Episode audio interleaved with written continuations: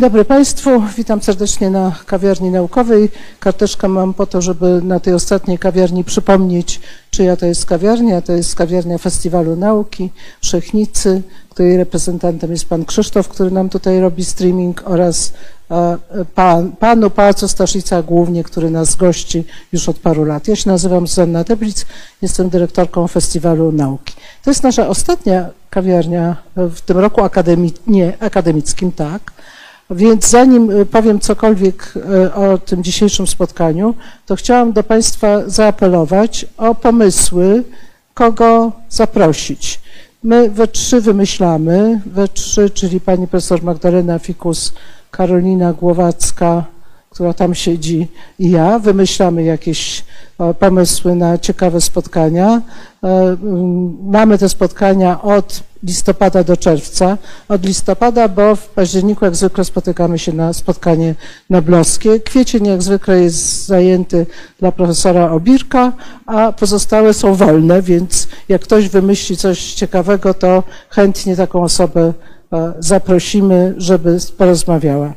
E, a dzisiaj bardzo się cieszę, że się zgodzili na spotkanie pani Katarzyna Rogus, Marta Wrzosek i pan Marcin Zych. Powinna mówić z tytułami, ale to mogę wrócić z powrotem. Profesor Marcin Zych, profesor Marta Wrzosek i doktor Katarzyna Rogus e, z naszego fantastycznego ogrodu e, botanicznego przy Uniwersytecie Warszawskim. Jeśli ktoś tam nie był, to powinien koniecznie tam pójść i zobaczyć, jak jest fantastyczny.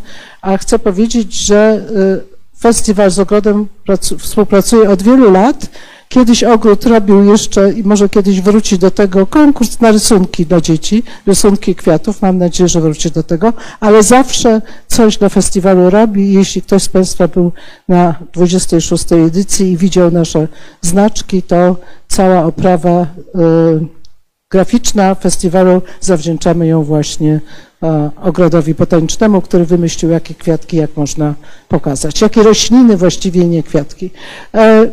Czy do tanga wystarczy dwojga? To jest bardzo dobry tytuł i pomyślałam sobie, że to jest świetny tytuł, szczególnie jak zaprosiliśmy trzy osoby. Więc mam pytanie, czy tango można też we trójkę tańczyć i już oddaję głos. Dzień dobry Państwu. E, po tym wstępie e, ja od razu powiem, że nie będziemy mówić o ogrodzie botanicznym, choć w ogrodzie botanicznym różne rzeczy się dzieją. E, tango też można tańczyć. Natomiast my dzisiaj bardziej będziemy rozmawiać o mm, różnych mm, zależnościach, relacjach ekologicznych, które e, no między innymi my badamy. E, ja zrobię krótki wstęp, tak koleżanki mnie wytypowały. Natomiast myślę, że później będzie to rodzaj rozmowy, ponieważ wszyscy zajmujemy się po trosze pewnymi podobnymi rzeczami, ale też różnymi. Ja i Katarzyna Rogus jesteśmy mm, badaczami raczej relacji roślin, zwierząt i jeszcze innych organizmów. Marta Wrzosek interesuje się bardziej grzybami, aczkolwiek nie stroni też od zwierząt i od roślin, więc y, wiele mm, wspólnych, mm, zazębiających się tutaj tematów myślę, że znajdziemy.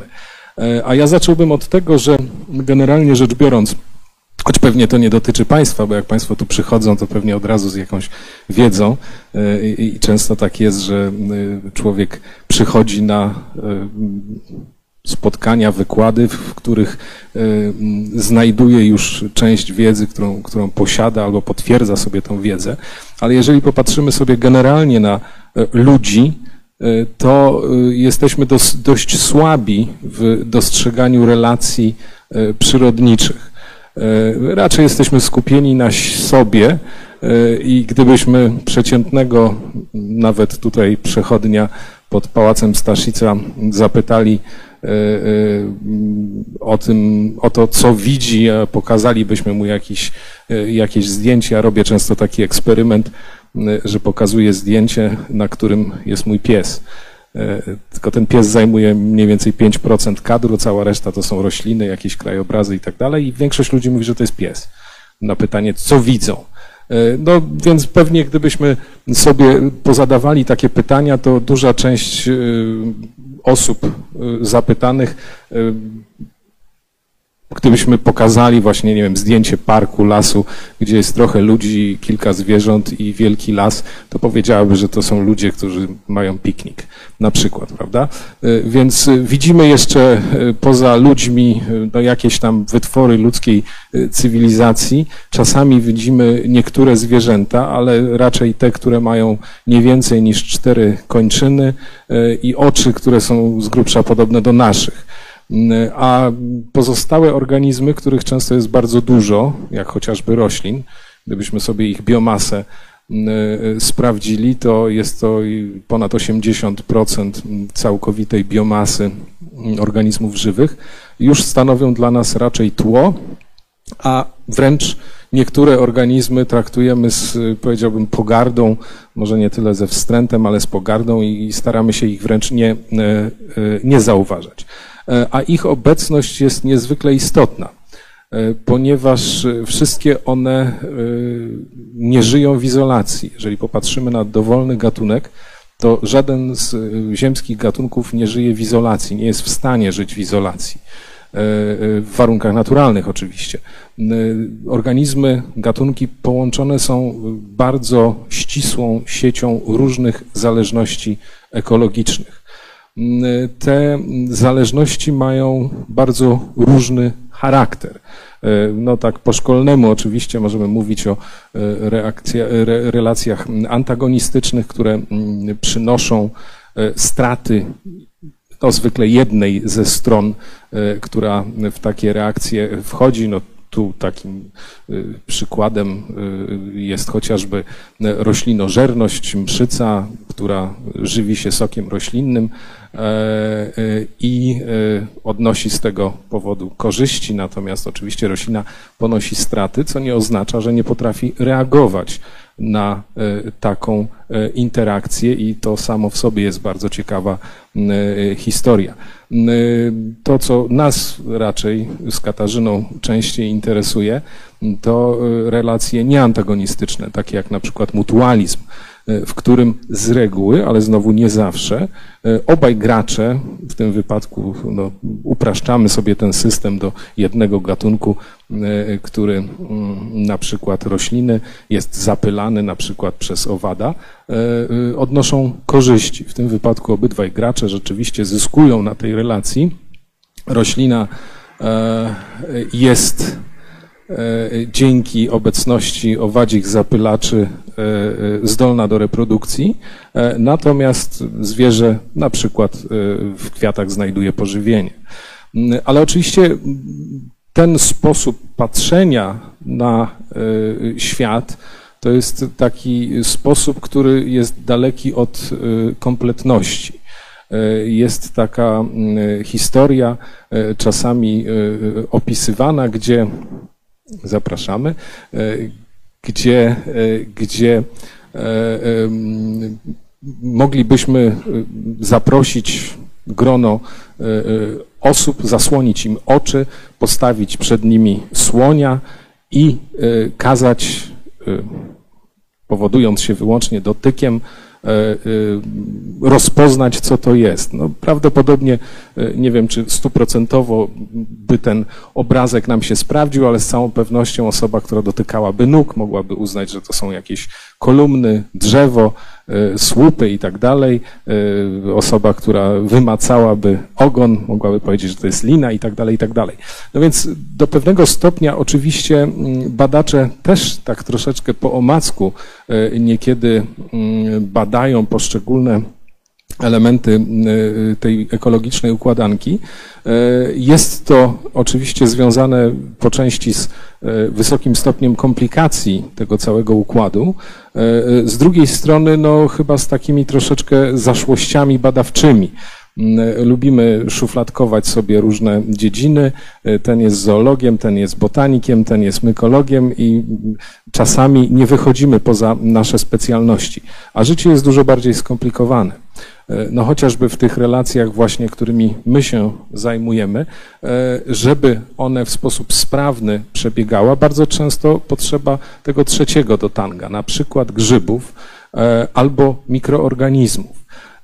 I znowu, to jest tylko niewielki wycinek tego, jak rzeczywiście taka sieć relacji ekologicznych na poziomie ekosystemu wygląda, bo mamy tutaj tylko jeden fragment tej biologicznej tożsamości któregoś z naszych gatunków, ponieważ czmiel, który oczywiście zapyla e, kwiaty, w tym wypadku dzwonka, może być atakowany przez pasożyty, na przykład grzyby, albo wirusy, albo bakterie. Mm, e, e, może być też obiektem drapieżnictwa przez ptaki bądź inne bezkręgowce itd., tak itd. Tak więc ta nasza sieć wygląda bardziej tak. Ona jest rzeczywiście super skomplikowana, E, I bardzo często dopiero spojrzenie z takiej właśnie wyższej perspektywy, czy z wyższego piętra, e, ujawnia e, całą złożoność tego systemu, ale równocześnie pozwala nam, pozwala nam zrozumieć sposób funkcjonowania pewnych organizmów. E, albo wszystkich organizmów. Jeżeli patrzymy e, na nie przez pryzmat jednej tylko i wyłącznie e, relacji, to dalece nasze zrozumienie nie jest pełne. No i żeby tę rozmowę rozpocząć od jakiegoś przykładu, no to ja myślę, że zaczniemy od tego przykładu nam najbliższego, czyli mnie i Katarzynie, a na deser dojdziemy do przykładów Marty Wrzosek. Chociażby właśnie w tej relacji mutualistycznej, w której klasycznie rozpatrujemy ją, mówiąc na przykład o zapylaniu kwiatów e, z punktu widzenia dwóch graczy, czyli rośliny, która właśnie e, wymaga transferu pyłku oraz zwierzęcia, które poszukuje pokarmu. Proszę zwrócić uwagę, że tu też, no biorąc pod uwagę rzeczywiście to ekologiczne tło, jest to rodzaj gry ewolucyjnej. To nie jest taka urocza e, historia o zwierzęciu, który, e, które w cudzysłowie pomaga e, roślinie. Jest to po prostu układ z gruntu ekonomiczny, w którym obaj partnerzy czerpią ze swoich zasobów, ale konsekwencji finalnie oboje odnoszą korzyści. Tylko, że w tej wszystkim może być jeszcze właśnie to drugie dno, na przykład mikroorganizmy. Tak, zgadza się. I tu chyba, Marcinie, powinnam wrzucić ogródny kamyczek do naszego ogródka, że my też rzeczywiście mamy troszkę problem z zauważaniem czegoś, co jest niewidoczne. I przez lata zajmowaliśmy się badaniem na przykład właściwości nektaru, zajmowaliśmy się tym, E, jak na przykład stężenie cukru wpływa na częstość odwiedzin poszczególnych grup zapylaczy, a tam właśnie był ten trzeci do naszego tanga, czyli mikroorganizmy. E, przy głębszym sprawdzeniu e, okazało się, że nektar jest rzeczywiście pełen różnych grup organizmów, które znacząco wpływają i na właściwości nektaru, i na życie rośliny, i na jej interakcje z zapylaczami. I też muszę powiedzieć, że tak jak, tak jak powiedział y, Marcin, nie jest to uprzejma gra, dlatego że nawet jeżeli wyjdziemy z założenia, że zapylacze przenoszą te mikroorganizmy na swoim ciele y, do kwiatów, do nektaru, to jest to, powiedziałabym, podróż może wygodna, ale trochę w nieznane. Y, dlatego, że mikroorganizmy, które znajdują się na ciałach owadów, żyją w kompletnie innym środowisku niż w momencie, w którym trafiają do nektaru. Proszę sobie wyobrazić y, mikroorganizmy, które gdzieś tam, powiedzmy w futrze trzmiela y, przemieszczają się pomiędzy kwiatami, a potem wpadają w ciecz, która ma bardzo wysokie stężenie cukru, ma mało tlenu, mało tego jest dostępna tylko przez bardzo krótki czas. Czyli nasz zapylacz przenosi na swoim ciele mikroorganizmy, które trafiają no, albo do nieba, albo do piekła, to już pewnie zależy od gatunku, ale e, nektar kwiatów jest dla nich troszkę też siedliskiem trudnym. Tak jak powiedziałam, bardzo specyficzne warunki fizyczne, a poza tym, tak jak pomyślimy sobie o kwiatach, oczywiście to zależy od gatunku, ale kwiaty są raczej nietrwałe. W związku z tym organizmy muszą też radzić sobie, e, mikroorganizmy w nektarze muszą radzić sobie z tym, że to środowisko, do którego zostały tak uprzejmie przez e, zapylaczy przeniesione, no mogą nie, nie trwać w nim zbyt długo. Poza tym w takim, y, w takim nektarze konkurencja pomiędzy różnymi grupami mikroorganizmów też jest bardzo silna.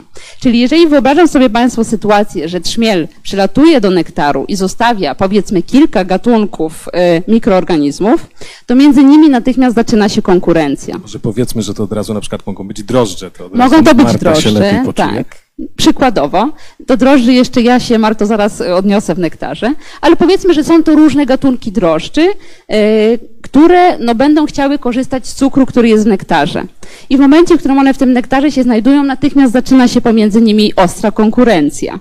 Yy, To nie jest tak, że one żyją sobie uprzejmie i zgodnie w tym nektarze, tylko korzystają z tego samego źródła, w związku z tym często te, które przybyły do nektaru pierwsze, no, dominują te, które pojawiają się później i dla tych, które pojawiają się w następnych rzutach, e, już tego, tego miejsca jest mniej. Z drugiej strony, dla zapylaczy, ta obecność mikroorganizmów w nektarze też e, może pociągać sobą, za sobą dosyć niebagatelne zmiany. Po pierwsze, obecność drożdży y, u niektórych gatunków roślin powoduje zmiany zapachu kwiatów. Czyli takie kwiaty y, emitują troszkę inny zapach, czasami trochę bardziej intensywny. U niektórych gatunków to się może przełożyć na dosyć korzystne e, sytuacje, kiedy kwiaty są odwiedzane częściej.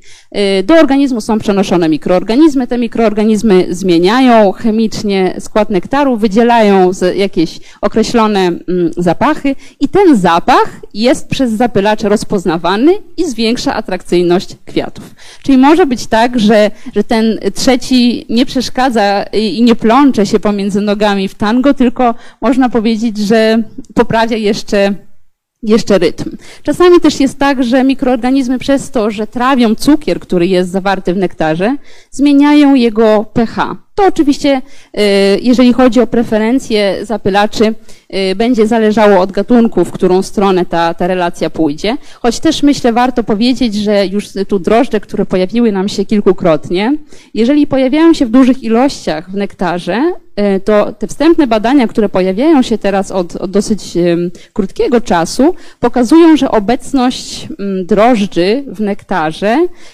znacząco poprawia mm, rozrost kolonii trzmieli, poprawia ich, em, mm, poprawia ich y, odporność na choroby wirusowe. W związku z tym y, tutaj mamy szereg takich dosyć korzystnych zmian.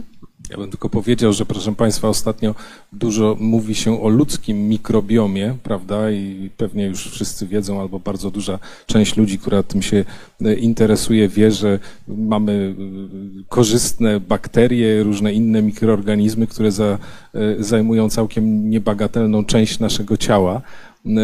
To trzmiele też mają mikrobiom. I też e, lepiej, jak mają ten mikrobiom zróżnicowany. E, W związku z tym e, to, to, to jest taka relacja. Ale ta relacja tu się nie zatrzymuje i nie kończy, bo mamy jeszcze inne czynniki, które wpływają na przykład na atrakcyjność roślin, choćby takie jak grzyby mikoryzowe. Y, Znowu okazuje się, że to, w jaki sposób roślina może być atrakcyjna dla swoich mutualistów, y, może zależeć od obecności odpowiednich grzybów mikoryzowych, które na przykład powodują, że y, kwiaty pewnych osobników są atrakcyjniejsze niż innych. I tutaj y, Tak, w końcu doszliśmy do grzybów.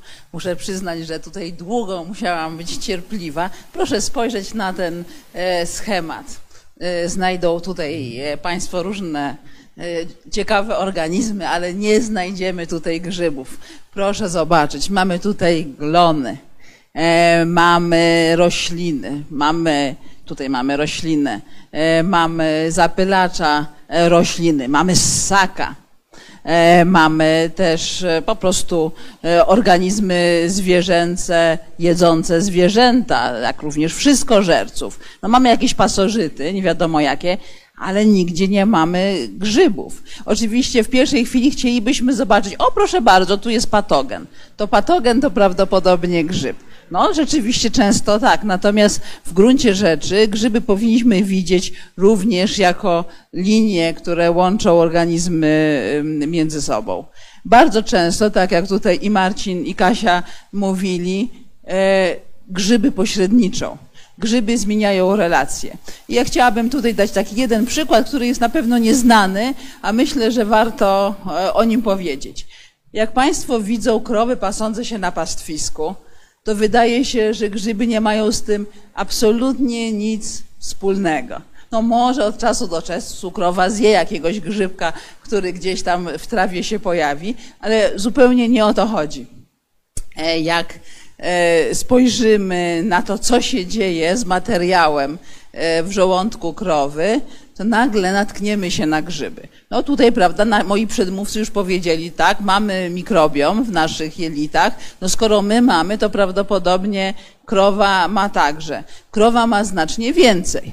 Po pierwsze, krowa jest od nas większa i e, że tak powiem, ma bardziej rozbudowany żołądek. E, żołądek krowy jest wielokomorowy i pierwsza część nazywa się żwaczem. I właśnie w tym żwaczu żyje nieprawdopodobna ilość różnych organizmów. W większości będą to bakterie, ale będą również grzyby i to bardzo specyficzne grzyby, które nie mają swojej polskiej nazwy, tylko łacińską. Nazywają się neokalimastigomykota. E, są no, dosyć skomplikowane. Neokalimastigomykota. E, są to grzyby e, bardzo drobne, które jednak tworzą drobne grzybnie, czyli rozrastają się na tych fragmentach rośliny i mają zdolność do ruchu. Czyli taka niewielka grzybnia wytwarza zarodnie, w zarodni formują się pływki e, z pękiem wici na końcu. I takie drobniutkie pływki e, potrafią się bardzo sprytnie e, pomiędzy fragmentami roślin przemieszczać, znajdować sobie nowe miejsca na nowych, jeszcze niestrawionych fragmentów, fragmentach roślin y, i je trawić. Co więcej, okazało się, że te drobne grzyby charakteryzują się fantastycznymi taksjami. One, one wiedzą, gdzie płyną. To nie jest jakieś takie bezładne krążenie w tej takiej czarnej i kwaśnej cieczy żołądka e, żwacza, e, tylko okazało się, że one szczególnie lubią cukier. Wobec tego, jeżeli gdzieś pomiędzy trawą pojawi się kwiatek, to one właśnie do tego kwiatka potrafią się dostać i najpierw zasiedlają kwiatki, a dopiero potem pozostałe e, części e, materiału materiału roślinnego. No, tutaj krowa jest dobrym przykładem e, właśnie takiego organizmu, który e, zawiera w sobie bardzo dużo mikro, mikroorganizmów, w tym grzyby, ale tak naprawdę jakiegokolwiek byśmy roślinożerce nie zbadali, to okaże się, że te bardzo mało znane grzyby są. Zarówno znajdziemy je w żołądkach żółwi, jaszczurek, e, kus i wielu innych zwierząt. E, także są to grzyby powszechne, zupełnie niewidoczne. Zupełnie niewidoczne i takie kompletnie jakby przez nas nie, nie, nie, nie brane w ogóle pod uwagę. E, druga rzecz, e, o której chciałabym powiedzieć, no to właśnie sieć mykoryzowa, o której powiedział Marcin. Nie tylko sieć mikoryzowa. E, może działać na to, czy roślina będzie atrakcyjna dla zwierzęcia, czy nie. Bo o mykoryzach co nieco zwykle wiemy.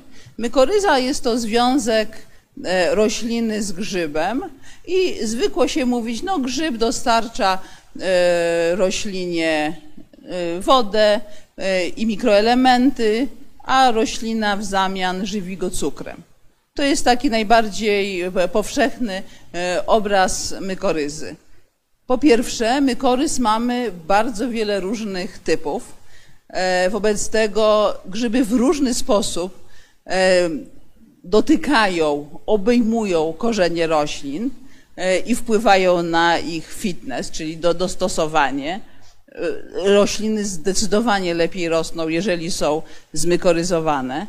W szczególności na przykład, jeżeli widzimy różnicę e, w lesie na, na gruncie porolnym e, i w lesie naturalnym. Jaka jest różnica podstawowa? Jak wejdziemy do lasu, który jest na gruncie porolnym, to zwykle jest niezwykle ubogi w, w gatunki. Prawda? Co więcej, nawet sosny, które rosną na gruncie porolnym, najczęściej bardzo szybko ulegają patogenom grzybowym i wypadają jeden po drugim, łamią się łatwo. Rzeczywiście lasy na gruntach porolnych są bardzo słabe. Dlaczego tak wspaniale wyglądają lasy w środowiskach naturalnych? Właśnie między innymi dlatego, że mamy sieć mykoryzową. E, co więcej, w tej chwili robi się badania, właśnie w jaki sposób można wykorzystać e, mykoryzy, żeby właśnie wspomagać lasy na gruntach porolnych. Wobec tego przywozimy jakieś fragmenty drewna, stare pniaki do tych lasów e, na gruntach porolnych, jakieś zasypki robimy i okazuje się, że rzeczywiście jest kolosalna różnica. Rośliny po prostu znacznie, znacznie lepiej rosną. No ale to, co chciałam powiedzieć, nie tylko mykoryzy. Czyli mykoryzy są bardzo ważne, rzeczywiście istotnie wpływają na e, rośliny, e, ale są jeszcze endofity. O endofitach znowu e, mało wiemy. E, endofit to jest grzyb, który występuje w roślinie, ale raczej w części nadziemnej niż e, w podziemnej i zwykle w ogóle nie spodziewamy się jego obecności.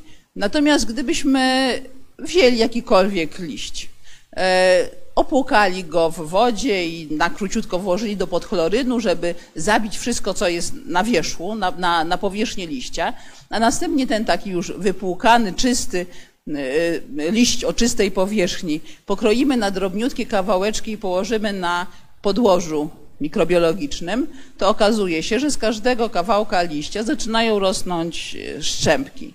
Jest ich bardzo dużo i są bardzo zróżnicowane. E, były robione badania, że w jednym liściu może żyć do 20 gatunków różnych grzybów. W jednym liściu. No być może nie chodziło o liściu róży, tylko raczej o bananowiec. Nie mam pewności, pewności, o jaki, jaki liść chodziło, natomiast jednak ta liczba jest y, zaskakująca. E, I są to grzyby, e, które między innymi wpływają na potencjalnych konsumentów rośliny. Jak wiadomo, to Państwo, którzy macie ogródki, dobrze wiecie, prawda, że od czasu do czasu przychodzi jakiś taki opuchlak, tak się nazywa, chrząszcz, który bardzo lubi liście, albo jakieś gąsienice, y, które zjadają liście. No, te liście nie zostaną zjedzone, jeżeli odpowiednie grzyby będą, y, będą, będą wewnątrz. To na razie tyle. Tu warto też y, powiedzieć, y, że y, ostatnio sporą karierę, nawet chyba można by powiedzieć medialną, robi taka koncepcja, że grzyby chociażby mogą być wykorzystywane jako kanał komunikacji dla roślin. Nie wiem, czy mogę powiedzieć, że sporo już wiemy, właściwie to chyba nie. Ciągle jeszcze stosunkowo niewiele wiemy o komunikacji roślin. E, wiemy e, o tym, że rośliny potrafią się komunikować i robią to na przykład z, chociażby z zapylaczami. E, natomiast te systemy komunikacyjne są nieco inne znowu niż w przypadku ludzi czy w ogóle kręgowców. My jesteśmy przyzwyczajeni do sygnałów raczej wizualnych, dźwiękowych, natomiast komunikacja roślin w dużej mierze jest komunikacją chemiczną. E, I tutaj e, przesył sygnałów pomiędzy roślinami, to na przykład chociażby takich, które pozwalają osobnikom, różnym osobnikom w populacji włączyć różnego rodzaju systemy obrony indukowanej, są niezwykle korzystne, jeżeli chodzi o dostosowanie. E, natomiast e, niektórzy uważają, że mm, takimi sygnałami e, mogą być różne substancje chemiczne, czy wręcz ładunki elektryczne, które mogą być transferowane poprzez sieci mikorys. Czy tak jest? No to jest bardzo atrakcyjna hipoteza, Natomiast poza tym, że już wiele książek popularno-naukowych o tym napisano, to nauka jest y, co do tego dość sceptyczna, prawda Marto? E, tutaj Marcin powiedział o koncepcji Wood Wide Web. E, być może Państwo o niej słyszeli. Jest to koncepcja, która pojawiła się w 1997 roku i koncepcję stworzyła Suzanne Simard, e, mykolożka, ekolożka z Kanady.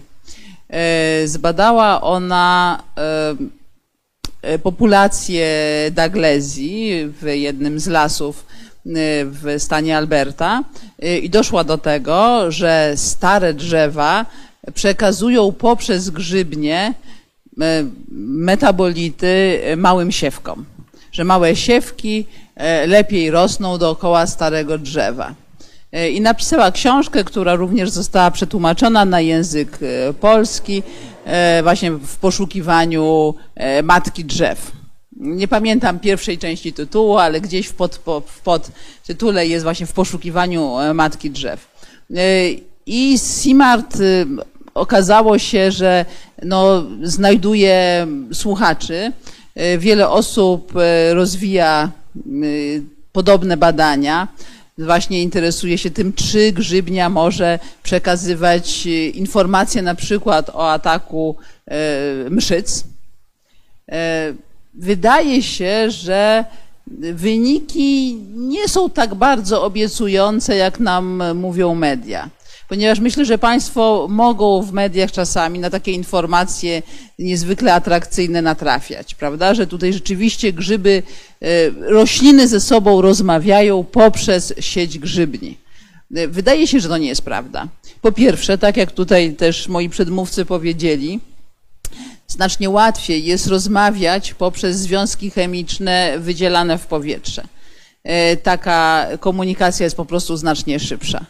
E, grzyby najczęściej mają ściany komórkowe. Gdybyśmy wyobrazili sobie komunikację poprzez cząsteczki, które płyną przez strzępki, to jest możliwe, ale to nie jest szybki transport. Jeżeli mamy atak e, mszyc albo jeszcze co gorsza E, nie wiem, innych owadów, które pojawiają się masowo, to reakcja w razie czego musi być natychmiastowa. Czyli jakby ta obrona indukowana się musi natychmiast włączyć. Nie może być tak, że tutaj powoli grzybnią będą jakieś informacje spływały do tych okolicznych e, siewek czy innych drzew. Czyli tutaj wydaje się, że jak w tej chwili, w tym roku, dwie grupy naukowców postanowiły sprawdzić, E, wyniki badań Susan Simard i innych naukowców, to okazało się, że te wyniki są bardzo słabe. To znaczy nie mamy jeszcze potwierdzenia, że Wood Wide Web rzeczywiście e, no jest internetem leśnym. To, że ona istnieje, tak, istnieje. Tylko, że to po pierwsze nie jest sieć, która łączy wszystko ze wszystkim, a po drugie, proszę pamiętać, że mamy nie tylko te tak zwane dobre grzyby mykoryzowe, które łączą korzenie roślin, ale mamy w tym wszystkim bardzo dużo grzybów saprotroficznych, które rozkładają martwą materię. Mamy grzyby pasożytnicze. I co więcej, może się okazać czasami, że niektóre z tych grzybów pasożytniczych potrafią przenosić bardzo interesujące informacje. Powoli, powoli, ale przenosić. Czyli czasami złe okazuje się dobre, a dobre też może się okazać złe. Marta, to ja się odniosę do tej filozoficznej końcówki odnośnie tego, że, że dobre może się okazać złe i w drugą stronę. Y, w naszym środowisku y, badaczy i badaczek biologii zapylania w pewnym momencie pojawił się artykuł o tym, że rośliny się nawzajem y, podsłuchują. I to jest ten znowu trzeci w, w tango, z tym, że tutaj mieliśmy relację roślina, roślina, roślinożerca. I z nieznanych mi do końca bliżej przyczyn, przez jakiś czas ta hipoteza o tym, że rośliny podsłuchują się, tak chemicznie podsłuchują się między gatunkami, jakoś. Podwąchują. Podwąchują się, tak. Oczywiście no, nie, nie podsłuchują się dosłownie, ale to jest takie ładne słowo, które określa te relacje. Podwąchują się, podsłuchują się. Mm, przez jakiś czas ta, ta, ta hipoteza o tym w żaden sposób nie chciała się w tym naszym świecie naukowym zakorzenić, ale rzeczywiście y, coraz częściej na przestrzeni ostatnich 20 lat mm, pojawiają się informacje o tym, że rośliny komunikują się pomiędzy gatunkami. Czyli mamy y, przykładowo sytuację, kiedy, y, dajmy na to, tytoń jest atakowany przez roślinożercę, wytwarza substancje, które tego roślinożercę zniechęcają do zjadania liści, które na przykład zmieniają ich smak albo są toksyczne, a bylica, która rośnie gdzieś kilkadziesiąt metrów dalej, odbiera ten sygnał i też zaczyna produkować substancje, które zniechęcają roślinożerców do żerowania na tych właśnie osobnikach, które rosną w pobliżu podsłuchanego czy podwąchanego tytoniu.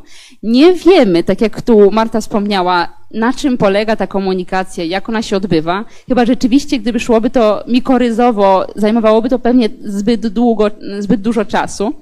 W związku z tym nie znamy odpowiedzi na, na, to pytanie, jak to się dzieje i na jakiej zasadzie to podwąchiwanie się odbywa. Jednak rzeczywiście zaczęliśmy zauważać, że taka komunikacja międzygatunkowa u roślin też się pojawia. Znaczy, możemy sobie wyobrazić, że rzeczywiście z roślin, z liści rośliny zaatakowanej yy, wydzielają się związki lotne. I to się na pewno dzieje. I czy te związki lotne mogą dostawać się na inne liście roślin rosnących w pobliżu? Zapewne tak. E, problem jest taki, gdzie jest odbiorca. To nie wystarczy, żeby po prostu związek konkretny, chemiczny padł na liść, prawda? Musi być odpowiedni receptor, który jest wystawiony na powierzchni liścia, który przyłączy Y, związek sygnałowy i rozpocznie się cała kaskada, kaskada zmian. Interesujące jest to, że y, my rzeczywiście potrafimy już dowieść, że taka sygnalizacja czy komunikacja międzygatunkowa zachodzi.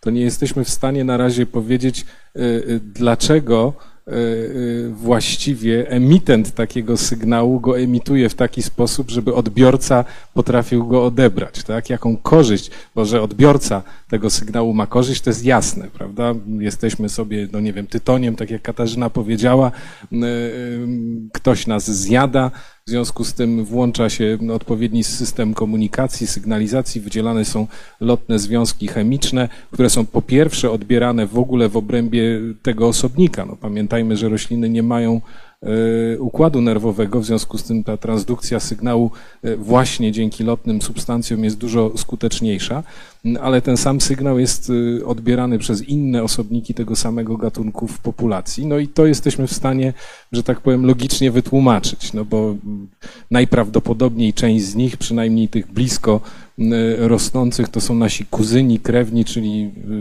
nosiciele, że tak powiem, podobnych genów.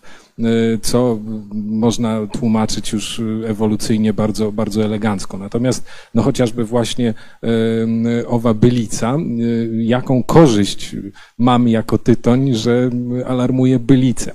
Być może jest to rodzaj pewnego wspólnego języka, a być może rzeczywiście jest tak, że takie podsłuchiwanie się po prostu opłaca. E, bo możemy pokazać co najmniej kilka takich powodów, dla którego roślinom opłacałoby się rozumieć język innych organizmów, w szczególności na przykład roślin. No wyobraźmy sobie, że e, kwitniemy, czy jesteśmy rośliną, e, która rośnie w pięknej mieszanej łące. W tej łące rośnie wiele innych gatunków, które też wytwarza atrakcyjne kwiaty. Y, y, te kwiaty są atrakcyjne dla y, często tej samej grupy zapylaczy, w związku z tym istnieje po prostu konkurencja o uwagę zwierząt, które pomagają konkretnej roślinie w reprodukcji.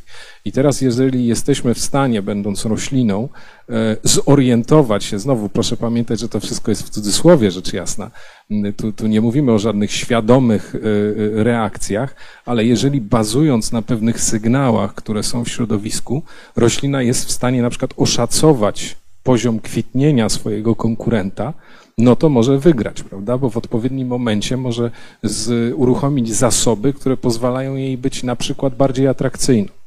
Więc to jest taka bardzo ciekawa koncepcja e, e, o tym podsłuchiwaniu. Mamy już trochę pośrednich czy bezpośrednich dowodów, że rzeczywiście jest to możliwe. Natomiast niewątpliwie cały ten język komunikacyjny e, jest tutaj szalenie, szalenie interesujący. Jest to język, który znowu często ma na celu umożliwienie przesyłania pewnych informacji pomiędzy różnymi partnerami właśnie takich relacji ekologicznych, ale tak jak wcześniej powiedzieliśmy, może być często modyfikowany przez dodatkowych graczy. No ja bym chciała powiedzieć znowu e, coś o grzybach. E, tym razem będą właśnie grzyby i mrówki, e, czyli temat, który jest bliski naszemu sercu, ponieważ moi studenci, doktoranci się nim zajmują. Jak spojrzymy na mrówkę przez binokular, mikroskop stereoskopowy, powiększymy ją kilkadziesiąt razy, to wtedy możemy się przyjrzeć jej oskórkowi, jej antenom, oczom, nogom. E, I wtedy okazuje się, że na bardzo wielu mrówkach pojawiają się jakieś drożdże albo jakieś dziwne narośla. E, drożdże są, należą do takiej grupy blisko spokrewnionej z grzybami, które zdarzają się również na człowieku, z grzybami z rodzaju trichosporon. E, natomiast e, narośla są bardzo szczególne, niewielkie, należą do grupy, odrębnej grupy grzybów workowych o nazwie Labulbenio mykota. Niektóre mrówki potrafią być całkowicie porośnięte tymi właśnie naroślami, czyli przedstawicielami labulbenio mykota, tak bardzo porośnięte, że wyglądają jakby miały futerko. No i teraz pytanie, czy to futerko zmienia coś w życiu mrówki, czy nie zmienia? I tu chciałabym powiedzieć, że każda taka narośl wcale nie wnika pod oskórek e, i nie ma ssawki, e, która by czerpała z owada i osłabiała owada. E, grzyb jest przyczepiony do oskórka przy pomocy takiej niewielkiej przylgi.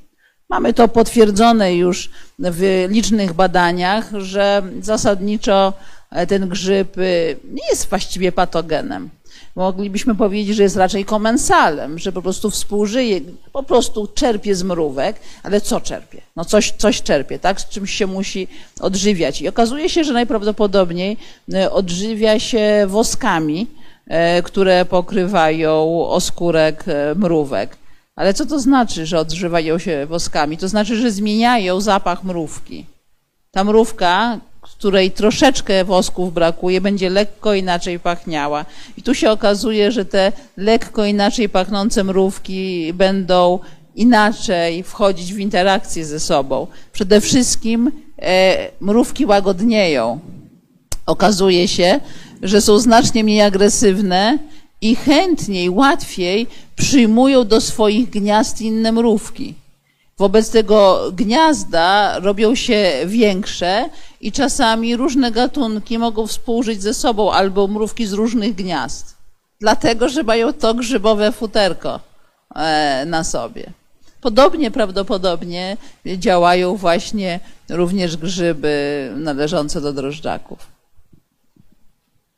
E, ja myślę, że teraz powoli musimy zmierzać do końca naszych wypowiedzi. Damy szansę Państwu zadać pytania. Natomiast ja myślę, że przez te kilkanaście czy kilkadziesiąt minut udało się nam przynajmniej zasygnalizować pewien poziom komplikacji tych systemów, które, które no my badamy i które istnieją na świecie oczywiście.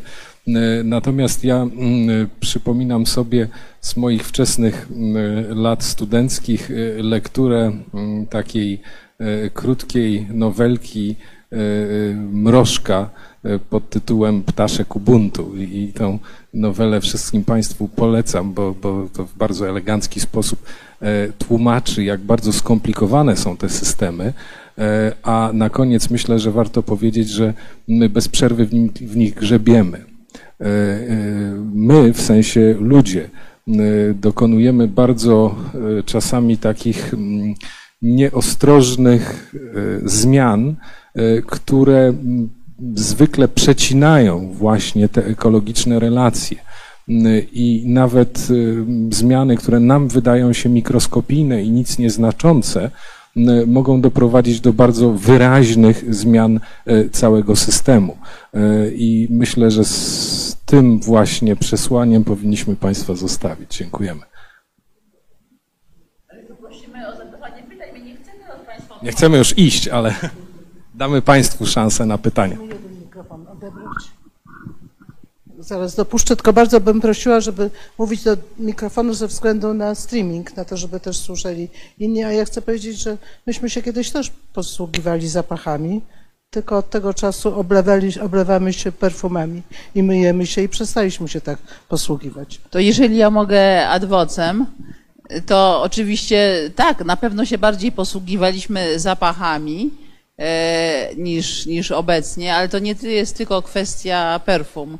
E, ponieważ zwierzęta e, posługują się zapachami, jeżeli posiadają e, taki narząd Jakobsona, który leży w, głęboko w gardzieli, to znaczy tam, gdzie się no, nos łączy no, w nosogardzieli.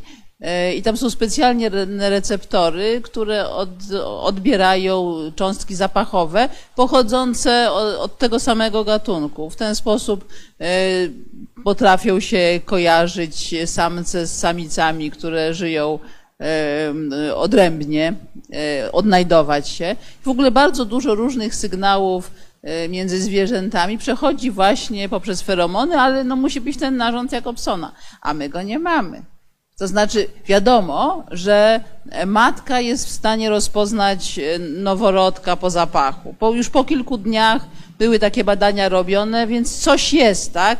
Ja- Jak jakieś specyficzne zapachy odbieramy, ale nie udało się z tego, co wiem, może Karolina wie więcej, bo Karolina jest zwykle, że tak powiem, wie wie więcej. E, Z, po prostu nie ma tych receptorów, nie możemy ich zlokalizować. Także może są, ale no to jeszcze poszukiwania przed nami. Z tego co wiem, to już coś wiadomo na temat tej substancji, którą pachnie dziecko, to trochę zejdziemy z tematu. Y, I to jest substancja, która u kobiet y, wywołuje agresję, u mężczyzn ją niweluje. W związku z tym to jest y, substancja, która ma prawdopodobnie jakąś tam ewolucyjną y, historię. No i rzeczywiście, mimo tego, że my odeszliśmy od zapachu, nie czujemy go tak jak zwierzęta, w ciągu dalszy y, badania osób, które tracą zmysł węchu, pokazują, że te osoby żyją krócej i mają o wiele niższą jakość życia. W związku z tym, mimo tego, że, że nie, nie używamy go tak jak zwierzęta, jest, jest z pewnością istotny. Czy ktoś z Państwa chciałby zadać pytanie?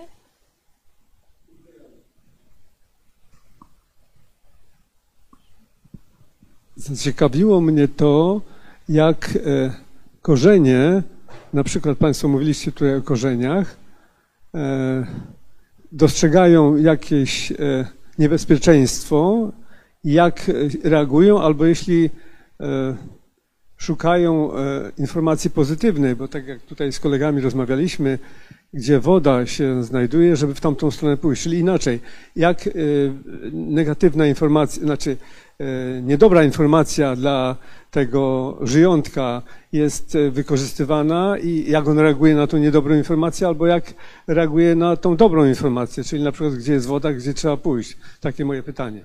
No tutaj pan dotknął y, szeregu różnych problemów roślin, które mają, y, ponieważ y, te, te mechanizmy rzeczywiście istnieją, ale one działają na bardzo różnych poziomach, bo z jednej strony y, mamy no, wszelkiego rodzaju zdolność roślin na przykład do wzrostu w stronę światła, albo wręcz przeciwnie, ucieczki od światła, co też czasami daje się wytłumaczyć, czy też y, wzrostu korzeni w stronę y, rosnącego gradientu wilgotności. No to, to są wszystko rzeczy, które bardzo prosto ewolucyjnie wytłumaczyć. Jest to po prostu korzystne dla roślin.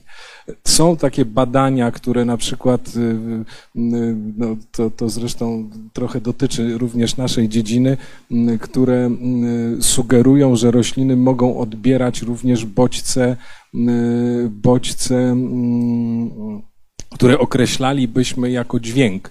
Raczej pewnie należałoby mówić o falach dźwiękowych czy, czy, czy pewnych y, drganiach. Y, I, wcale nie jest to wykluczone. No, parę lat temu y, zresztą nasi koledzy z uniwersytetu, jednego z uniwersytetów izraelskich właśnie donieśli, że y, roślina może w sposób aktywny regulować produkcję nektaru y, w momencie, kiedy y, jest wystawiona na odpowiednie dźwięki o określonej częstotliwości. Tak? No, związek przyczynowo-skutkowy byłby taki, że jeżeli w pobliżu pojawia się na przykład zapylacz, który jest w stanie e, e, wytwarzać wibracje określonej e, amplitudzie, no to roślina po prostu reaguje na to, zwiększając produkcję nektaru. Być może wzrost korzeni właśnie w kierunku e, wody jest związany z umiejętnością czy zdolnością odczuwania wibracji. Woda mm, często e, po prostu powoduje właśnie wibracje gruntu. Natomiast inną rzeczą jest e, to, co Pan mówił, a co wiąże się z reakcją na na przykład roślinożerców.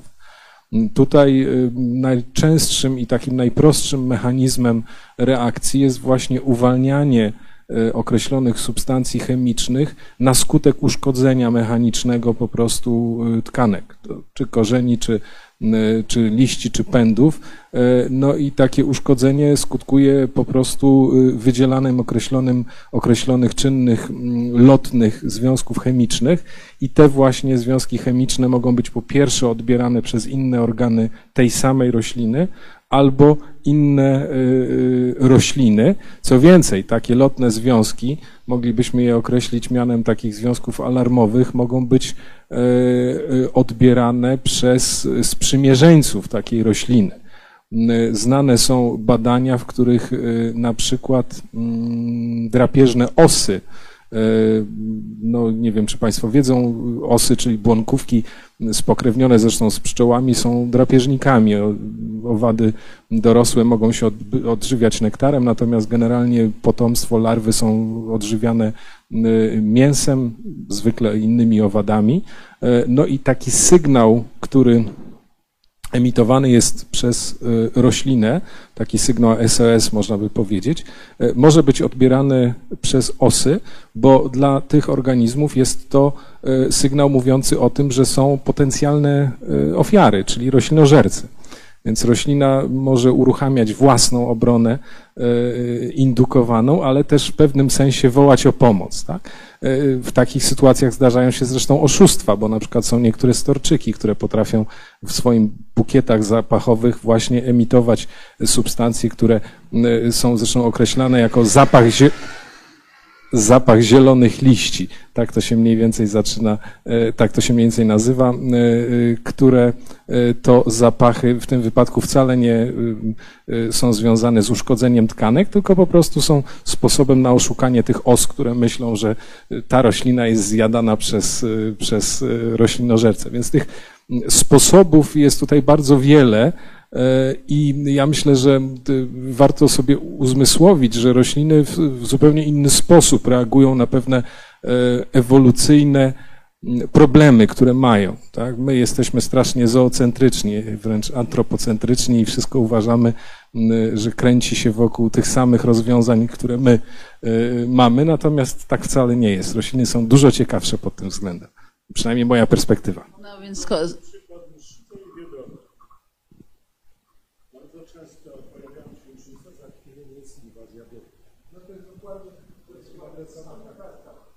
No to dobrze, skoro tutaj e, kolega powiedział o roślinach, no to ja muszę trzy słowa e, o grzybach, prawda?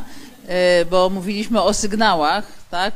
W jaki sposób, jakie sygnały są przekazywane jako sygnały alarmowe albo e, w ogóle sygnały obecności. E, I w przypadku e, korzeni roślin i grzybów, to takim sygnałem obecności rośliny jest po prostu alkohol etylowy. Grzyby na to idą, po prostu. Grzyby rosną w kierunku wyższego stężenia alkoholu etylowego. Zresztą trzeba powiedzieć, że trzmiele też to lubią, to o czym mówiła Katarzyna, ta obecność, bo to chyba nie wybrzmiało tak naprawdę, ale ta obecność na przykład drożdży w nektarze, to oznacza, proszę Państwa, że tam jest po prostu alkohol etylowy. Więc nie tylko grzyby to lubią.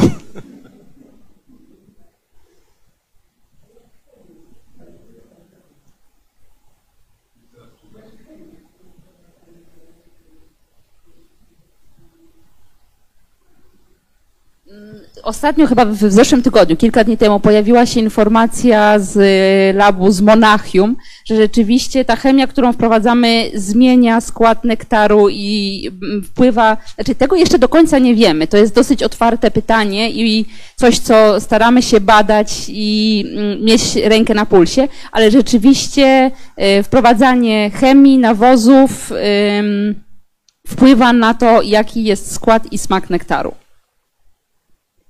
Z całą, z całą pewnością, bo to, to wiemy i to jest od, od y, co najmniej kilku, jak nie kilkunastu lat badane, y, to, że w nektarze, w pyłku y, są obecne mm, ilości, no nieletalne, ale różnych pestycydów. Tak? Ja na przykład nie, nie, nie mówię o tych takich kontaktowych pestycydach, ale przez pewien czas karierę ciągle robią niestety y, tak zwane pestycydy systemowe, czyli takie pestycydy, które wprowadzane są do y, organizmu rośliny i one w niej są po prostu permanentnie. To, to, to wprowadzanie tych na, na przykład neonikotynoidów może odbywać się poprzez zaprawy nasienne. Tak, takie nasienie, które kiełkuje, e, młoda roślina pobiera te substancje, które po prostu krążą w jej organizmie. No idea e, tych substancji, e, czy użycia tych substancji była być może szlachetna, w cudzysłowie, bo wydawało się, że skoro nie jest to taki po prostu e, generalny oprysk wszystkiego, no to będziemy mm, wobec tego mm, dotykać tylko te grupy zwierząt, które rzeczywiście jedzą nasze plony. No ale niestety okazało się, że to nie jest takie proste z wielu różnych powodów. E, Po pierwsze z takiego, że mm, właśnie te substancje przedostają się również do nektaru i pyłku. E, W związku z tym to, co wiemy na pewno, to to, że y, w związku z tym y, różne grupy, także tych pożytecznych organizmów, które dla nas są wielce, wielce mm, przydatne, y, są permanentnie chronicznie podtruwane. No i tu, tu mamy mnóstwo danych i dotyczących pszczół, i motyli, i, i bzygów, i wielu innych, y, wielu innych organizmów. Z drugiej strony te substancje są niezwykle trwałe w środowisku. E, Więc znowu, y, nawet takie jednorazowe użycie tych chociażby właśnie neonikotynoidów powoduje, że one prawdopodobnie pozostają w glebie kilka, kilkanaście, a może nawet sto lat. E, One są stosunkowo krótko jeszcze wykorzystywane, więc nie wiemy, co one tak naprawdę e, ze sobą niosą, e, ale to oznacza, że no, mimo, że już uprawa dawno przeminęła, to dalej te substancje są, są w środowisku. Więc no, z całą pewnością e, jakkolwiek y, by nie patrzeć, to tego typu substancje naruszają równowagę ekologiczną. Mam jeszcze pytanie laika. Y, W jakim stopniu są albo mogą być wykorzystywane te obserwacje państwa i badania y, dla mm, takie świadome wykorzystanie tej wiedzy dla y, człowieka? Myślę przede wszystkim o, o tych relacjach między roślinami, czyli o, ciekawa byłabym przykładów, jeżeli są takie, czegoś y, mniej powiedzmy banalnego niż przewożenie pszczół na pole takie, a nie inne. Nie wiem, czy, to, czy pytanie jest jasne.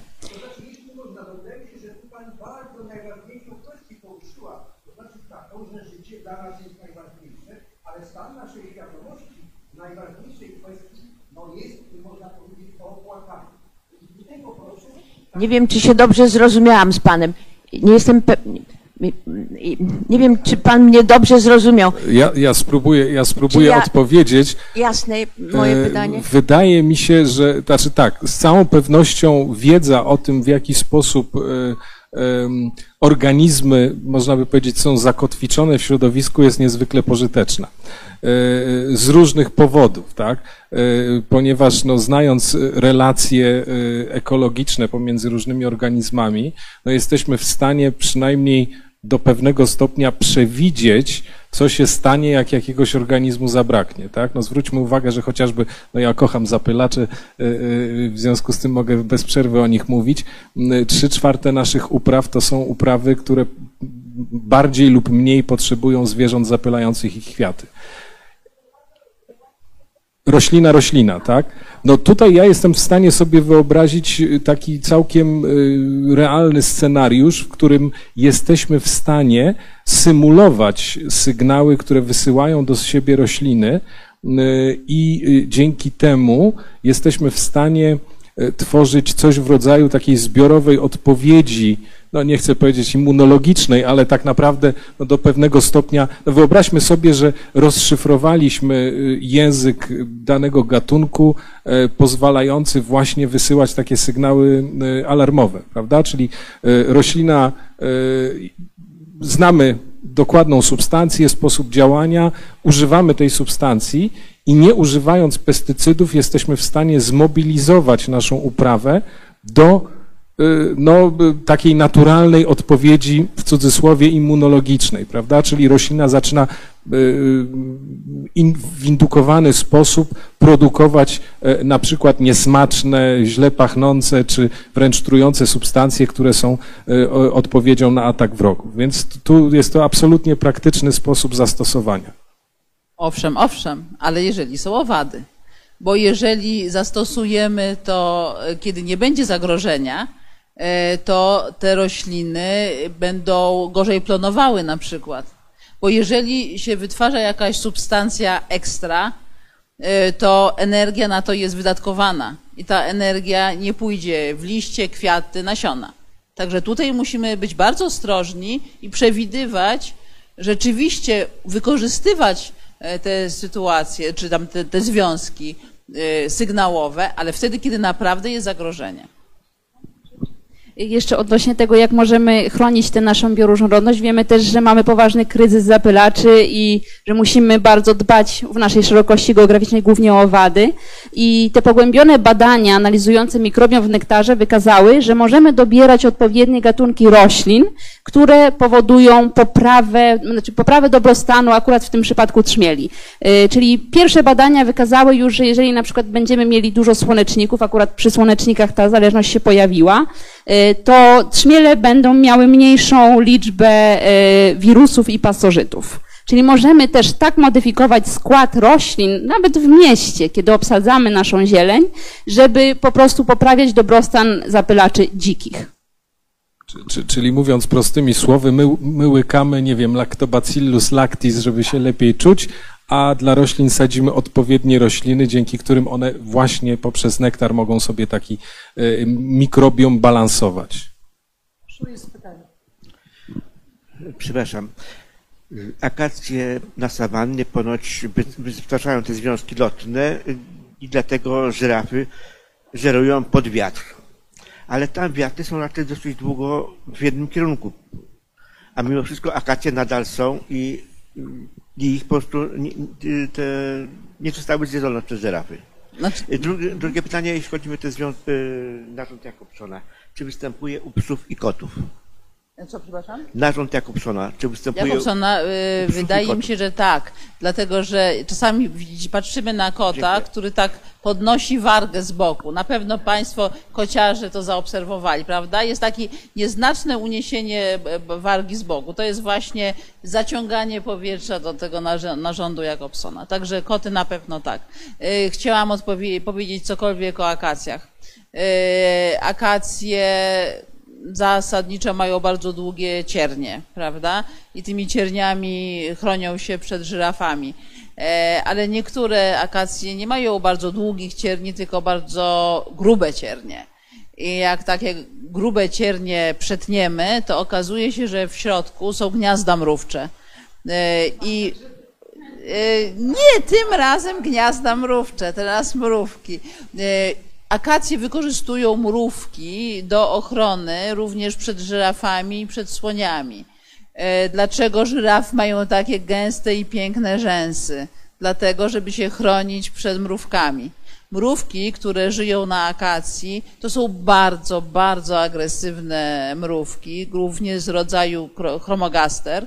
E, I one tak naprawdę nie chronią akacji, one chronią swoje dzieci, ponieważ dzieci mieszkają na akacji, w akacji, w cierniach akacji. Jak żyrafa zaczyna zjadać liście, no to po prostu atakuje gniazdo mrówcze.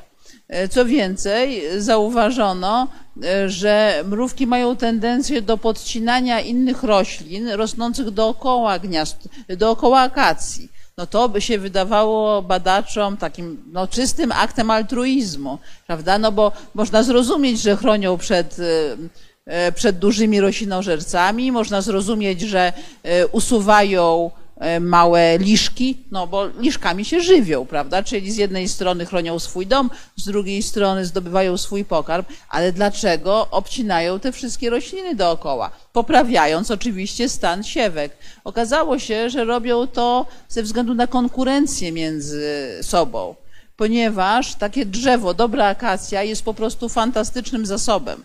Jeżeli już jest, mamy jedno gniazdo mrówcze na takiej akacji, to ono się naprawdę próbuje utrzymać e, na akacji, a są inne grupy mrówek, które bardzo chętnie by przejęły akację.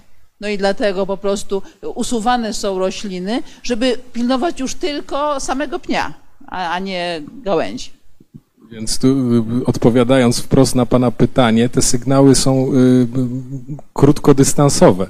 Y, One są emitowane i odbierane w obrębie tej samej rośliny, więc one często nie podróżują jakoś bardzo daleko, tylko na przykład służą do tego, żeby przywabić mrówki, które właśnie w obrębie takiej korony sobie e, e, mieszkają e, i uszkodzenie liścia jest dla nich sygnałem alarmowym. One przybiegają do miejsca, gdzie, gdzie pęd jest uszkodzony, no i na przykład próbują walczyć ze słoniem i zwykle im się to udaje. Tu zresztą to, to idzie jeszcze dalej, ponieważ to jest taki chyba mój ulubiony przykład pokazania takich wielopiętrowych relacji, właśnie akacje ponieważ y, wydawać by się mogło, że y, skoro te żyrafy i słonie, za przeproszeniem, to takie szkodniki, to jak im y, odetniemy możliwość żerowania na akacjach, to akacjom będzie świetnie. Otóż są takie badania właśnie afrykańskie, które pokazują, że usunięcie dużych roślinożerców często skutkuje śmiercią drzew co wydawałoby się kompletnie nielogiczne. Mm, ale y, tam znowu jest kilka więcej y, poziomów troficznych, ponieważ jak y, akacje nie są atakowane przez dużych roślinożerców, to po prostu przestają inwestować w zachęty dla mrówek, które bronią te drzewa. Choćby właśnie takich rozdętych cierni, ale to nie wszystko, bo akacje na przykład tworzą takie specjalne ciałka belta, to są takie bogate w proteiny, takie wyrostki na liściach, można by powiedzieć. Mają też nektarniki pozakwiatowe. Normalnie nektar jest produkowany zwykle w kwiatach, ale takie struktury mogą się pojawiać również na pędach. No i jak taka akacja nie jest zgryzana, przestaje inwestować w zachęty dla mrówek. No to mrówki się często wyprowadzają, bo nie mają gdzie y, założyć gniazda, nie mają co jeść. Y, no i z kolei w takiej sytuacji na taką opuszczoną akację mogą zacząć wprowadzać się na przykład ksylofagiczne chrząszcze, które zaczynają drążyć drewno i akacja obumiera. No bo przy okazji oczywiście ochrony przed y, słoniami i żyrafami mrówki przepędzają też całe inne życie, bo to ich akacja jest przecież. Ja chciałam przekazać pytanie od e, słuchacza, który jest z nami przez internet. Pozdrawiamy zresztą wszystkich, którzy e, nas oglądają na żywo, czy też w przyszłości. E, pan Jan pyta, jak Państwo uważają, jak to się dzieje, że storczyk dwulistnik pszczeli imituje pszczołę. Na jakiej podstawie on to robi, bo przecież nie ma zmysłu wzroku. Ja od razu może Państwu też powiem, sprawdziłam na przykład, naprawdę w internecie, jak to wygląda. To jest niesamowite. To wygląda jakby po prostu na kwiatku siedziała pszczoła. Jak to się dzieje? I, I to mogę nawet rozszerzyć, nie wiem, jeśli Państwo pozwolą, ale te wszystkie motyle udające y, korę drzewa, czy, y, prawda, czy, czy No, ale tu- udające tu- tutaj, oczy innych tutaj zwierząt. dotykamy wielu różnych rzeczy związanych z mimikrą. No, mo- Może o, o dwulistniku zacznijmy. To jest rzeczywiście taki bardzo ciekawy rodzaj, który w Polsce jest niestety mało reprezentowany, bo tylko jeden gatunek występuje, właśnie ten dwulistnik muszy i to w bardzo niewielu miejscach w kraju. Natomiast generalnie jest to taki rodzaj, który y, obficie y, można spotkać w basenie Morza Śródziemnego, więc jak ktoś z Państwa jeździ wiosną y, nie wiem, w dowolne miejsce w Śródziemnomorzu, to, to ma dużą szansę spotkać niewielkie rośliny, których kwiaty rzeczywiście przy bliższym, przy bliższym obejrzeniu przypominają no, pszczołę albo jakieś inne owady. I to jest taka strategia, która w przypadku storczykowatych y, wcale nie jest taka zupełnie rzadka, a mianowicie oszustwa. Y, Bo tutaj de facto y, no nie mamy do czynienia z mutualizmem, takim klasycznym, jak to w, przypadku zapylaniu kwiatów jest, czyli zwierzę przenosi y, pyłek, e, natomiast roślina płaci za to w jakiś sposób, czymś, prawda? Zwykle nektarem, ale niekoniecznie. Tutaj to jest po prostu oszustwo, bazujące na mm, po prostu instynkcie kopulacyjnym samców, y, akurat dwulistników. Y, I jak to się mogło zdarzyć? Ano, to da się to całkiem prosto wytłumaczyć. Znowu miliony lat ewolucji, można by powiedzieć, której nic nie zmoże. Otóż y, to, co tak naprawdę jest najsilniejszym, najsilniejszym sygnałem wywołującym behawioralną odpowiedź zapylacza, czyli samca błonkówki, nie jest wcale wygląd. E, to jest sygnał chemiczny znowu.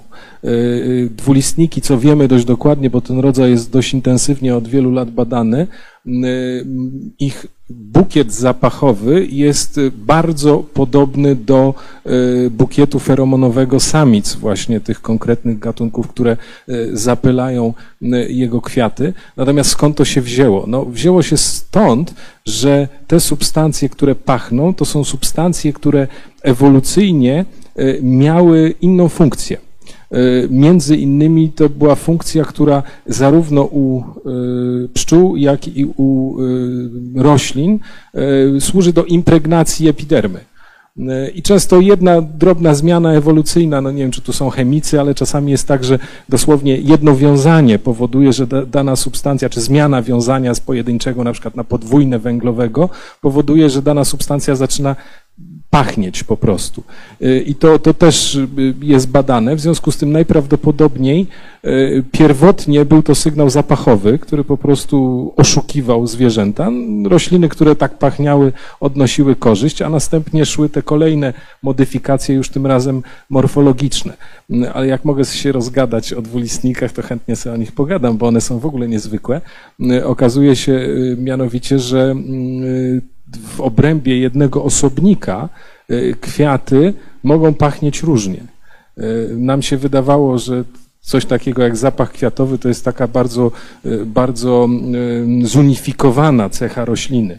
Już teraz wiemy, że po pierwsze różne populacje roślin mogą pachnieć różnie i tym się między innymi też zajmowaliśmy z Katarzyną, ale w przypadku dwulistników wiemy, że w obrębie jednego osobnika kwiaty mogą różnie pachnieć, co znowu jest bardzo ciekawym e, sposobem, e,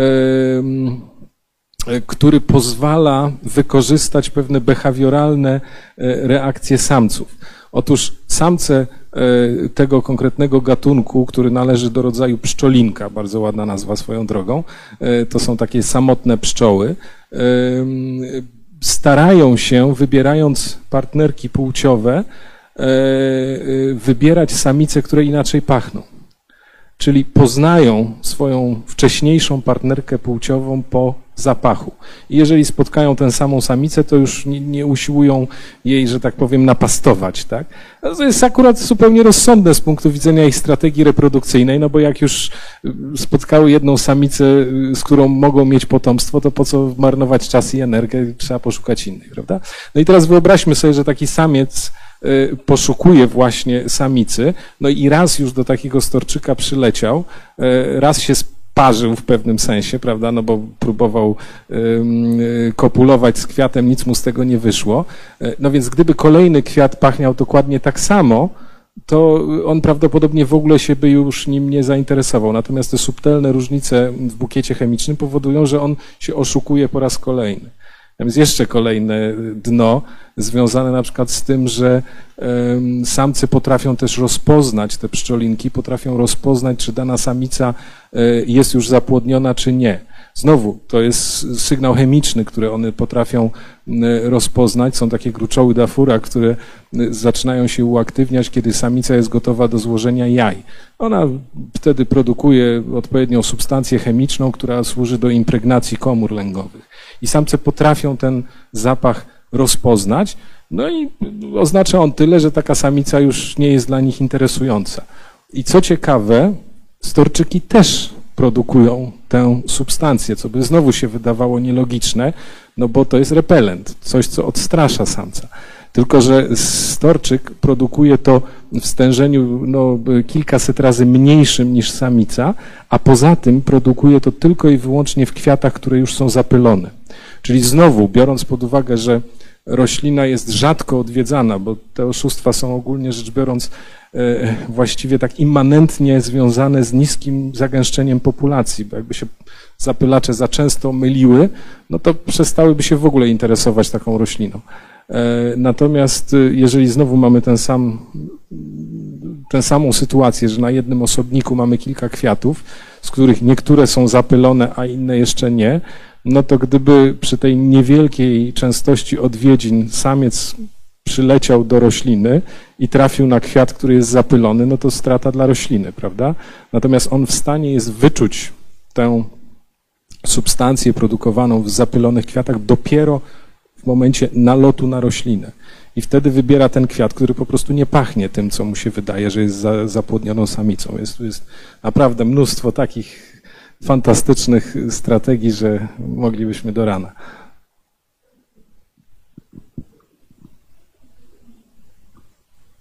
Te relacje wewnątrzgatunkowe i międzygatunkowe, o których Państwo mówią, oraz ten rysunek, który tutaj jest, e, nasuwa mi takie pytanie. Są to rzeczy niesłychanie skomplikowane. Czy są już doniesienia o zastosowaniu sztucznej inteligencji do śledzenia tych procesów, a co za tym idzie, do znajdowania optymalnych środków, które mają w jakikolwiek sposób zmieniać naturalne relacje?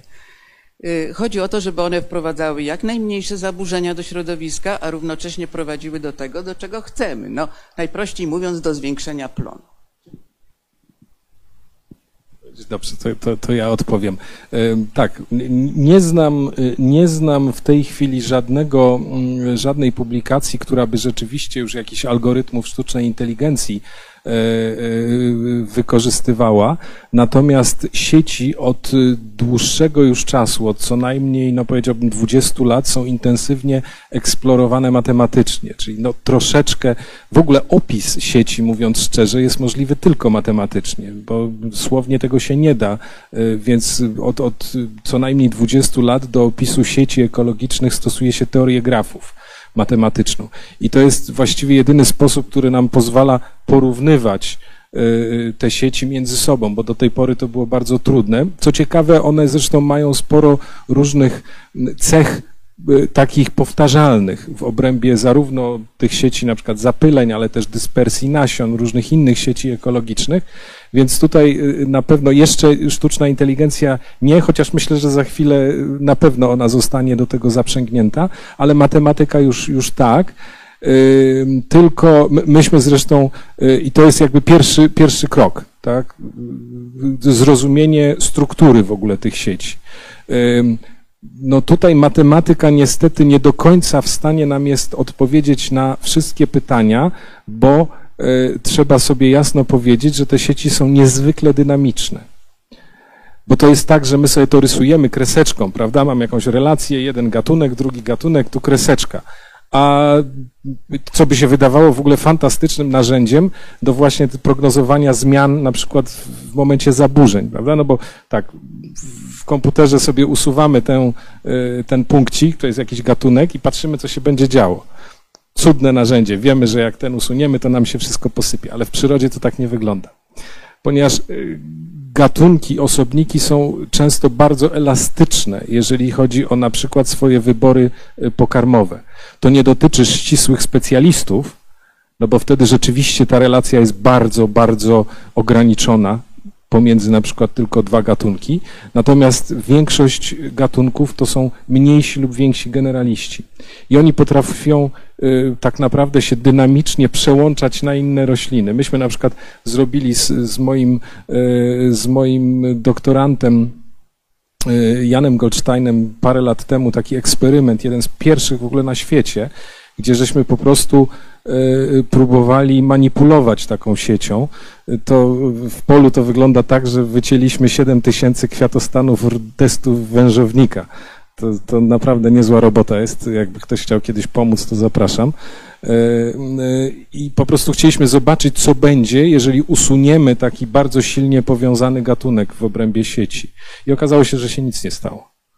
Po prostu nastąpiło dynamiczne przełączenie na inne gatunki pokarmowe, co y, no, z naszego punktu widzenia jest, powiedziałbym, y, tak delikatnie pocieszające, bo to oznacza, że jest pewna redundancja w tym wszystkim, tak? Czyli nie jest tak, że to, to, to wszystko jest na sztywno połączone i jak usuniemy jeden gatunek, to wszystko się posypie, bo gdyby tak było, to byśmy byli w bardzo poważnych problemach. Natomiast to jakby pokazuje, jak wiele jest jeszcze przed nami, bo to oznacza, że my naprawdę musimy dość dobrze poznać biologię roślin, y, zwierząt, grzybów, mikro, mikroorganizmów, żeby potrafić jednoznacznie odpowiedzieć, czy takie manipulacje, co te manipulacje zrobią. Ja tylko y, bardzo, bardzo krótko chcę uzupełnić. Y, Mutualizm, czyli to, co nazywamy tymi do, dobrymi, korzystnymi dla obu populacji interakcjami, one bardzo zależą od środowiska. Nie tylko od środowiska biotycznego, o czym przed chwilą Marcin powiedział, ale też abiotycznego. Od tego, czy jest więcej wody, czy jest mniej wody, czy jest więcej fosforu, czy jest mniej fosforu, więcej azotu, mniej azotu. E, Wobec tego no, musielibyśmy bardzo dobrze poznać środowisko i zrozumieć te interakcje, żeby rzeczywiście wprzęc e, sztuczną intel- inteligencję i wykorzystać. Jeszcze odnośnie do tego, co Marta powiedziała, rzeczywiście tak jest, że jeżeli na przykład nie mamy narzędzia do badania jakichś zjawisk, tak było z, y, z przemieszczaniem się pyłku, to stosowaliśmy modele, ale rzeczywiście brakuje nam danych, żeby te modele dobrze nakarmić, czyli na przykład powiedzieć temu modelowi, czy y, zapylacze reagują na to, ile jest y, budynków, ile jest linii tramwajowych, y, jak dużo jest wody i zieleni, czyli musimy poznać całe tło, zanim poprosimy sztuczną inteligencję o, o jakieś wnioski i analizy. I rzeczywiście na razie jest tak, że te modele matematyczne, które przewidywały akurat transfer pyłku, nie do końca się sprawdzają w momencie, kiedy mamy narzędzia, żeby to przeanalizować już w naturalnych środowiskach.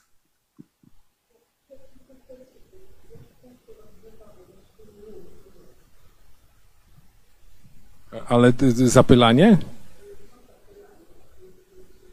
Y, to Po, prostu tak samo.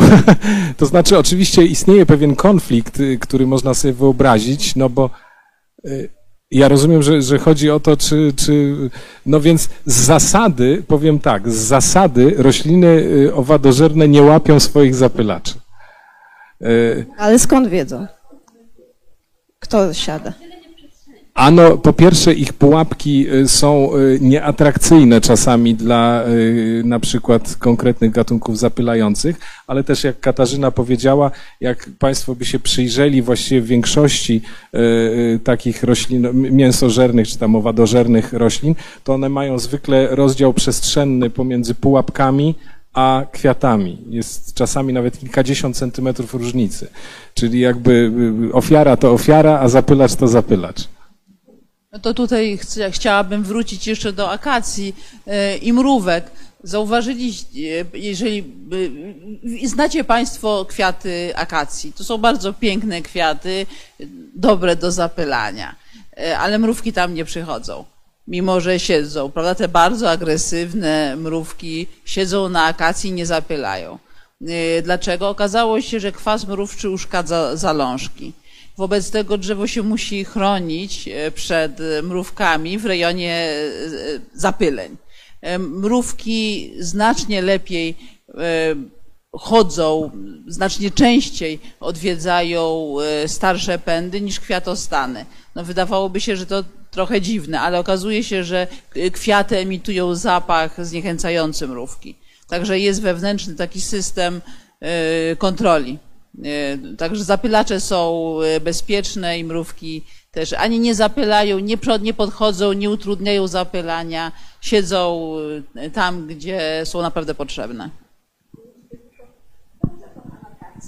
Nie jestem żyrafą, ale nie mogę zrozumieć, dlaczego Warszawa przestała sadzić akacje. No bo to nie, to nie są akacje. Bo No, to są robinie, ro, ro, no ro, dobrze. robinie. Ale robinie. Także dlaczego wszystko, one- co niestety mówiliśmy, doty, dotyczy afrykańskich akacji. A dlaczego przestała sadzić, to koledzy.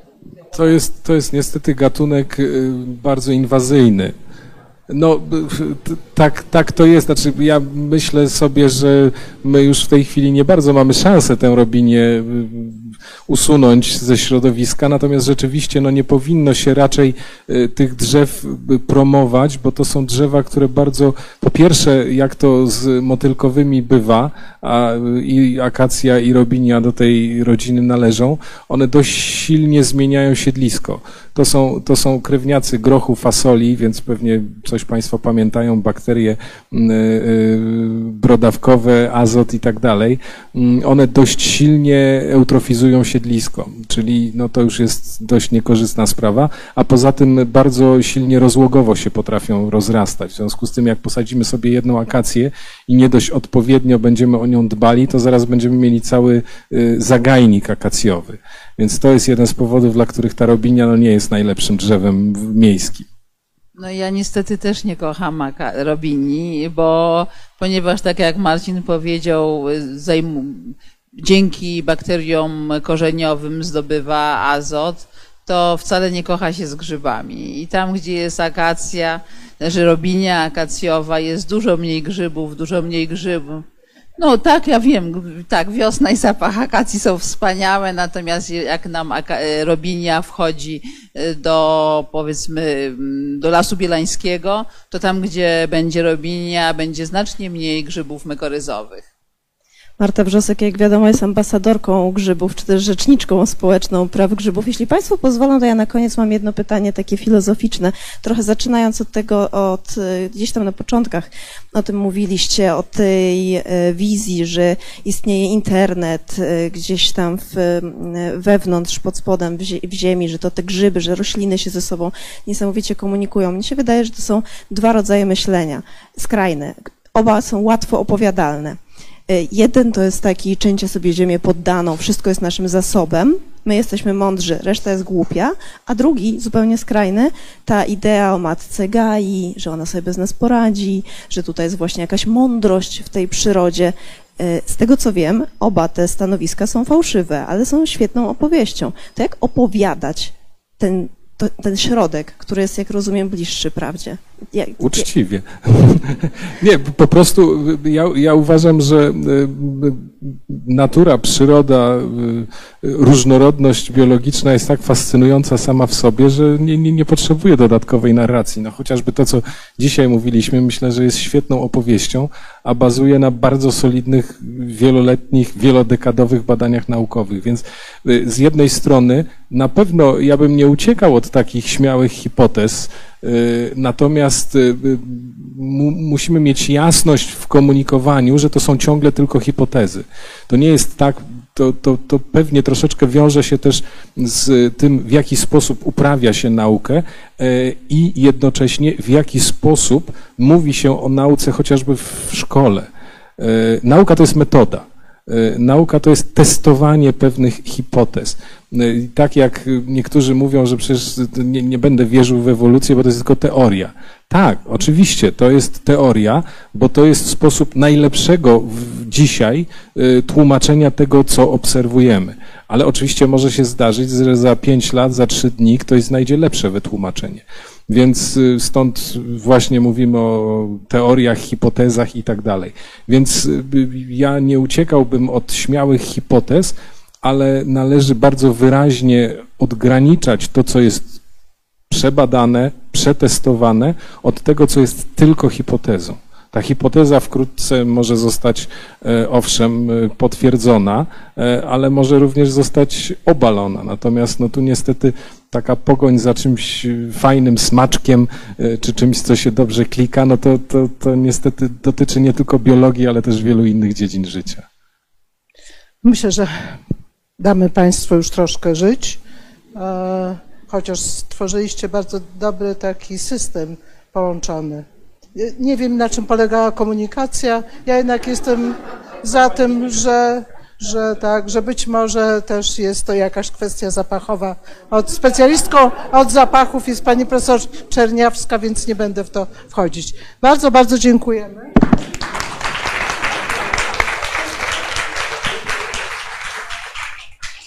To było absolutnie fantastyczne. Mam nadzieję, że y, dziękuję Państwu, że Państwo przyszli, że Państwo nie żałują i zapraszam, po pierwsze zapraszam na festiwal. Zaczyna się już 15 września, więc już całkiem niedługo. Mamy prawie 400 imprez do zaoferowania e, i zapraszam od e, października na kawiarnie naukowe. Na pewno tutaj w październiku Noble, a potem bardzo proszę o listy, żebyśmy wiedzieli, co Państwa naprawdę interesuje. Dziękuję bardzo.